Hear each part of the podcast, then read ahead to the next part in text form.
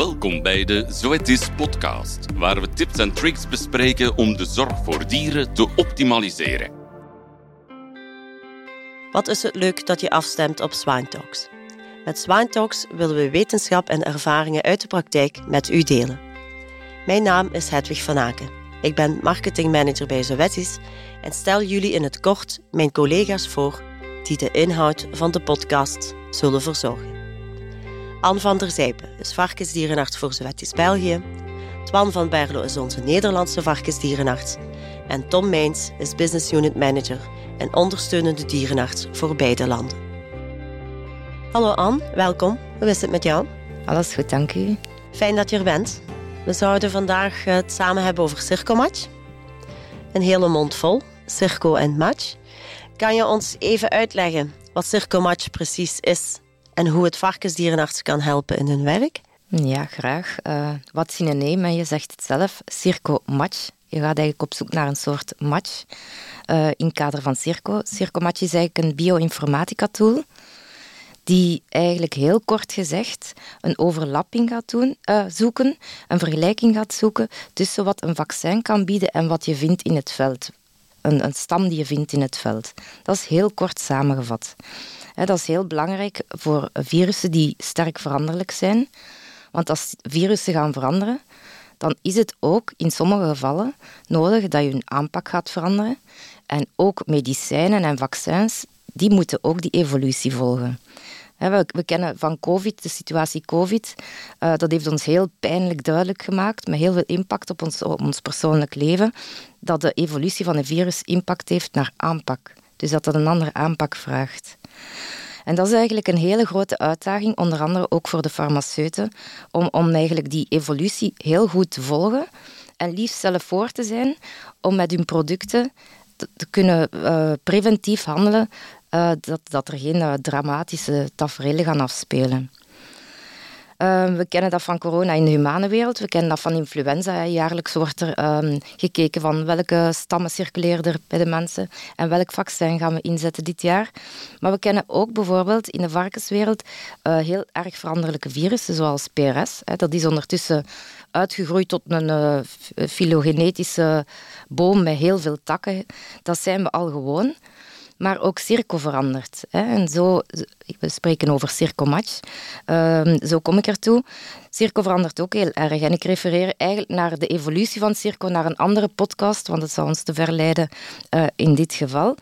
Maar we moeten weten, Circo verandert, dat doet dat al lang. Dat wordt al heel lang bijgehouden in een genbank door wetenschappers. Maar we zijn eigenlijk tot een punt gekomen nu dat het ons eigenlijk ook persoonlijk um, eh, raakt. Hè. Um, we zitten ondertussen al aan een half alfabet. Eh, PCV2, cirkelstammen. Dat klopt. Uh, A, B en D, dus PCV2, A, B en D hebben klinisch belang. En wat zien we? Een verschuiving van vroeger eigenlijk misschien toch wel net iets makkelijker. Het vaststellen van cirkel met het blote oog. Dan zagen we wegkwijnen, wasting en PDNS. En nu zien we eerder subkliniek. En ja, dat, eigenlijk klopt dat niet wat ik zeg. Je ziet dat niet.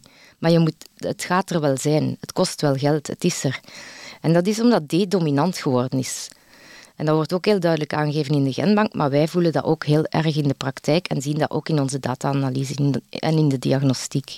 Zijn er dan bepaalde uitdagingen waar de practicus rekening mee moet houden nu het circuitype veranderd is? Ja, absoluut. Hè. Het, uh, het virus maakt het ons des te moeilijker om een diagnose te stellen. Dat is één. Uh, wij gaan in onze dagelijkse uh, praktijk uh, ook rekening moeten houden op lange termijn met genetica. En daarvoor verwijs ik dan naar de presentatie die professor Hans Nauwing gegeven heeft tijdens de ESPM. Uh, dus het is heel duidelijk dat hoe meer wij selecteren op snel groeiende varkens, hoe gevoeliger de diergroepen zullen worden voor uh, circo en hoe meer dat die selectie van genetica van onze fokdieren, dat wij eigenlijk ook de voedingsbodem geven voor circo om te veranderen. Dus dat is een, ergens op lange termijn gaan we daar rekening mee moeten houden. Oké, okay, Anne, dat zijn verhalen op lange termijn, maar als we kijken voor de praktijk dierenarts op korte termijn, wat kan je dan doen? Zo, het is, is hier sterk aan het werken. Uh, en wat moeten wij daarvoor hebben als vaccinproducent? Wij moeten heel veel kennen om dat eigenlijk uh, gebaseerd te doen, om dat uh, verantwoord te doen, vaccins zomaar veranderen. Uh, we moeten het virus heel goed kennen, Uiteraard kennen we het vaccin goed, maar je moet ook de immuunrespons heel goed kennen van je dier. Wat doet je dier als het contact heeft met dat virus of met dat vaccin? Ehm, dat moet je allemaal in beeld hebben, want dat is heel erg specifiek per pathogeen. Dat is geen algemeen iets. Um, dus je moet eigenlijk echt in detail gaan weten wat, is het, wat zijn de antigene stukjes van je virus dat belang hebben voor je, voor immuniteit, voor je immuuncellen. Wat doen die immuuncellen daarmee? En wat doen vaccins? Bootsen die dat zoveel mogelijk na? Dat is, dat is het doel. En daarom is, is eigenlijk Zoetis een samenwerking aangegaan met Epivax. En Epivax is een, eh, een pardon, een Amerikaans bedrijf dat een bioinformatica-tool um, gemaakt heeft. Uh, in ons geval, in samenwerking met Zoetis, is dat Circomatch. En wat doet die bioinformatica-tool? Die heeft eigenlijk heel de genetica in beeld. En de genetica van zowel veldvirussen als vaccinvirussen, als de, de immuuncellen die daar rol in spelen. En als je die drie gegevens samen hebt, dan kan je eigenlijk een overeenkomst gaan aantonen tussen wat er circuleert op de bedrijven en wat een vaccin bieden kan. Dus als ik het goed begrijp, aan, je gaat inderdaad wel gewoon met diagnosestelling tot cirkel komen en dan het genetisch materiaal naast een vooropgestelde genenbank leggen om te kijken is er overeenkomst. Ja, als je uh, vraagt wat is nu de praktische werkwijze, hoe, hoe gaan we hier naartoe, dan gaan wij zoals we eigenlijk gewoon zijn, uh, gaan wij diagnose stellen op bedrijf. Wij gaan materiaal, doelweefsel onderzoeken met een eh, qPCR in het labo. Nadien, als, die, als in die qPCR een hoge lood cirkel teruggevonden is, kunnen we sequeneren. Dus dat zijn we al gewend. Maar dan gaan we een stapje verder. Dan gaan we eigenlijk samenwerken met Circomatch. We submitten die, die sequentieanalyse, die nucleotide sequentie wordt doorgestuurd naar uh, Circomatch. En die gaat dan uh, kijken in hoeverre het gevonden veldvirus overeenkomt met bepaalde vaccins. En zij drukken dat uit in een, in een soort coördinaat, zoals je een, een, een coördinaat hebt op een landkaart. Maar hier het dan een epic-score, noemt dat dan. Dat is een coördinaat op het cirkelwiel. En dan kan je besluiten gaan trekken van uh, hoe ver ligt het of hoe dicht ligt het bij welk vaccin. En zo ga je eigenlijk komen tot een, een sterk onderbouwde vaccinkeuze. Dus zoals je het nu toelicht, is het geen vervanging van onderzoeken die we nu al doen. Is het gewoon een volgende stap, een verdieping die je gaat zoeken om meer verklaring te hebben. Welke gevallen ga je het adviseren om een cirkelmatch te doen? Uh, zeker in de gevallen waar dat er gedacht wordt aan cirkel. Maar ik wil daar wel bij de kanttekening maken. Meestal is het subklinisch beeld tegenwoordig. Hè. De meeste varkens zijn gevaccineerd. Uh, gaat cirkel toch drukken, dan zal dat subklinisch zijn.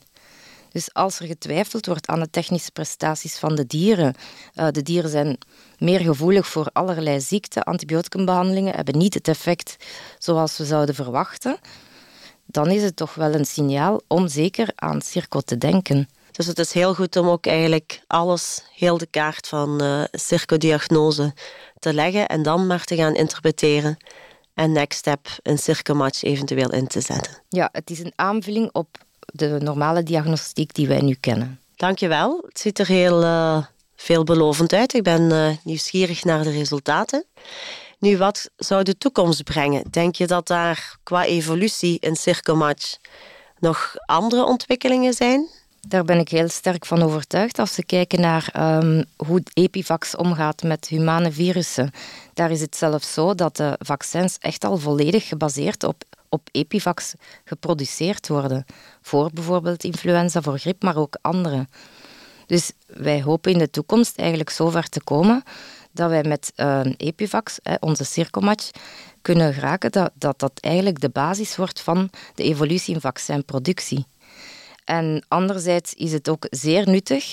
We zijn er nu mee gestart, maar op termijn gaan wij een hele databank hebben aan virussen die circuleren in alle landen over heel de wereld. En gaan wij ook effectief kunnen verbanden leggen tussen welk type welke symptomen geeft. En nu is dat nog wat onduidelijk, uh, maar dat zal daar wel duidelijk in brengen, duidelijkheid in brengen. Pardon. En zie je het dan echt binnen het gamma van het circovirus? Of denk je ook dat we andere virussen zullen kunnen blootleggen en gaan matchen? Ik denk en ik hoop vooral waarschijnlijk um, dat we dit gaan kunnen toepassen voor andere virussen ook we hebben hier het voordeel bij Circo dat het een klein virusje is. Dus um, dat is het voordeel van, van dit virus. Uh, gaan we naar PRS bijvoorbeeld, daar droom ik ervan dat we dat daar ook kunnen. Maar dat is toch wel een veel groter en ook veel complexer virus. Maar ik denk wel dat daar toekomstmuziek in zit. Ik hoop daar zelfs op. Soms haalt de tijd ons in en gaan zo'n ontwikkelingen sneller dan uh, we verwachten. Ja, zolang we blijven dromen, leven we. Dankjewel, Anne. Inderdaad, zolang we kunnen dromen, ziet er allemaal mooi uit. Is Circomatch al ter beschikking in de service die jullie bieden? Ja, als ik uh, morgen gecontacteerd word, kan ik meteen aan de slag. We zijn hier eigenlijk al een tijdje mee bezig. Hè. Dus uh, we hebben de kinderziektes al doorlopen en wij zijn uh, eh, 100% klaar om met jullie aan de slag te gaan als publiek. We danken u van harte voor het beluisteren van deze Swine Talks en verwelkomen u graag in een volgende episode. Deze vind je terug op www.2sowettis.be of nl slash diersoort slash podcasts of op uw vertrouwde podcastkanaal.